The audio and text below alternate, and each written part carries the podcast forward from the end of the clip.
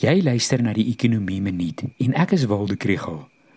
Môre middag lewer die minister van Finansies die begrotingsrede. Dit kan maklik klink soos een dem ding na die ander. Ekonomiese vooruitsigte, 'n klomp los bestedingsbeloftes en dan die sondebelastings. Maar hier is raad as jy soos 'n ekonom wil luister. Hierdie episode word ondersteun deur Genwell Finansiële Adviesdiens en die NWI Sakeskool. Ekonome is besorg oor die volhoubaarheid van die staatsfinansies. Kortom, gaan jou pensioenfonds aanhou om staatsskuldinstrumente te koop? Net as hulle dink jy gaan jou geld terugkry met goeie rente. Ons weet daarom dat daar al die laaste 2 jaar 'n proses van fiskale konsolidasie plaasvind.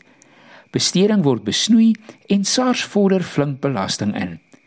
Die begrotingstekort en staatsskuld tot BBP verhoudings lyk eintlik beter as verwag.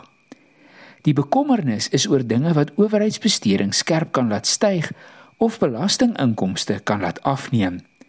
Byvoorbeeld, beerdkrag gaan ekonomiese groei knou en dan is die staat se belastinginkomste kleiner.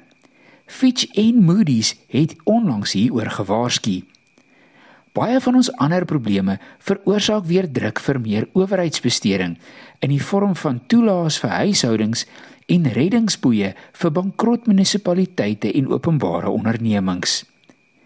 Die minister het tot nou toe sterk gestaan, maar is dit geloofwaardig om vir net nog 1 jaar se COVID toelaag te begroot terwyl die president praat van 'n basiese inkomste toelaag?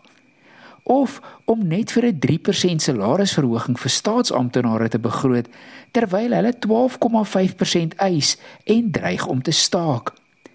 'n Verkiesingsjaar of onrus kan maklik goeie planne sink.